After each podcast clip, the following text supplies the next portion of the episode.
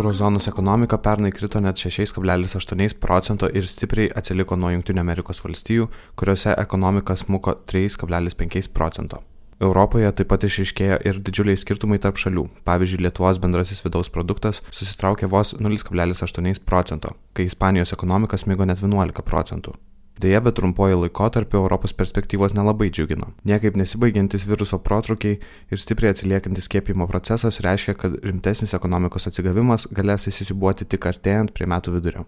Europoje ir toliau stebima stipri takoskira tarp paslaugų ir pramonės sektorių. Remiantis pirkimų vadybininkų indeksu, paslaugų veikla, kuriai virusas turėjo didelės neigiamos įtakos, Europoje traukėsi jau penktą mėnesį iš eilės, kai tuo tarpu pramonė išgyvena paklausos bumą ir tempia ekonomiką iš dubės. Gera naujiena ta, kad kovo mėnesį kritimas paslaugų sektoriuje stabilizavosi ir panašu, kad ekonominė žala yra lokalizuota keliose sektoriuose.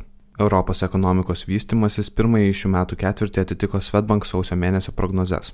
Pirmąjį ketvirtį eurozona tikėtina nežymiai traukiasi ir šiemet jos augimas galėtų siekti apie 3,5 procentus. Svetbank prognozuoja, kad pasitelkus Europos atsigavimo fondo pagalbą prieš krizinį lygį Europa turėtų pasiekti kitų metų pirmoje pusėje. Europos politinis gyvenimas nestovi vietoje. Buvęs Europos centrinio banko vadovas Mario Draghi sugrįžo į Europinės politikos centrą ir Italijos premjero poste pakeitė Giuseppe Conte. Šis Super Mario sugrįžimas pradžiugino rinkas. Į jį dedama daug lūkesčių tikintis, kad jam gali pavykti susidoroti su pandemija ir kitais Italijos iššūkiais, kurie jau daug metų kankina šią trečią pagal dydį eurozonos ekonomiką. Tokio kalibro žaidėjo ateimas į Europos vadovų tarybą turėtų pakeisti ES politikos dinamiką. Ši prielaida gali realizuotis atsižvelgiant į faktą, kad Vokietijos kanclerė Angela Merkel rudenį pasitrauks iš savo posto ir tuomet pagrindinė Europos politikos ašis gali pasisukti Paryžiaus Romos link. Artėjantis Vokietijos Bundestago rinkimai be abejo bus svarbiausias šių metų politikos įvykis. Vokietijos krikščionys demokratai CDU vis dar įtikinamai pirmauja reitinguose, tačiau dėl pandemijos nuovargio, neriškių lyderių ir iškilusių korupcijos skandalų gana sparčiai praranda pozicijas. CDU patyrė du gana stiprius pralaimėjimus žaliesiems ir socialdemokratams federalinių žemių rinkimuose ir žalieji gan sparčiai lipa CDU ant kulnų. Nors CDU vis dar yra labiausiai tikėtinas būsimųjų rinkimų laimėtojas, koalicija be žaliųjų dalyvavimo turbūt bus neįmanoma. Tai reikštų didesnės viešasias investicijas ir dar vieną žingsnį tolyn nuo tradicinio fiskalinio konservatizmo. Panašu, kad Europa pasimokė iš finansų krizės klaidų. Finansų ministrai sutarė nenutraukti skatinančios fiskalinės politikos iki 2022 metų pabaigos. Šiuo metu fiskalinės drausmės taisyklių taikymas yra sustabdytas ir tai yra geras metas galimai jų reformai. Tampa vis aiškiau, kad nelankščios fiskalinės taisyklės nebetitinka realybės ir jas reikėtų keisti viešųjų finansų valdymo standartais, o ne laikytis įsikibus griežtų kriterijų. Apskritai panašu, kad Europos politika linksta link aktyvesnio fiskalinės politikos taikymo ateityje. Viena vertus, tai padėtų stagnuojančiai Europos ekonomikai, tačiau nereformavus ES taisyklių, tai galėtų sukelti skolų krizės ateityje.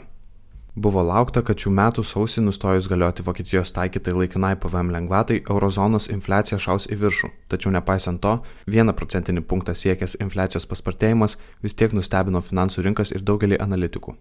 Be to, didesnės nei pernai naftos kainos, infliacija dar labiau stumtels į viršų. Dėl šių vienkartinių veiksnių įtakos bendras Europos vartotojų kainų indeksas vasarą tikėtina trumpam perlips 2 procentų ribą. Tačiau vargu, ar tokie vienkartiniai faktoriai sugebės fundamentaliai pakeisti kainų judėjimo trajektoriją. Padidėjęs nedarbo lygis artimiausių metų nesukurs esminio spaudimo kainoms, žvelgiant iš darbo sąnaudų perspektyvų.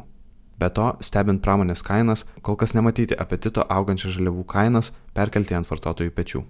Svetbank ekonomistai prognozuoja, kad vidutinė metinė infliacija Europoje turėtų siekti 1,5 procento šiemet ir 1,6 procentus kitą metą. Dėl išaugusių infliacijos lūkesčių kovo mėnesį buvo pradėjusi aukti valstybių skolinimosi kaina. Reaguodamas į tai, Europos centrinis bankas paspartino savo kiekybinio skatinimo programą. Toks spartesnis valstybinių obligacijų pirkimas yra skirtas suvaldyti nesavalaikį skolinimosi brangimą valstybėms ir gyventojams. Baiminamasi, kad per ankstyvas palūkanų pakilimas galėtų pažeisti ir taip trapę Europos ekonomiką. Europos centrinis bankas, keisdamas įvairius monetarinius instrumentus, siekia, kad kainų augimas Europoje siektų apie 2 procentus.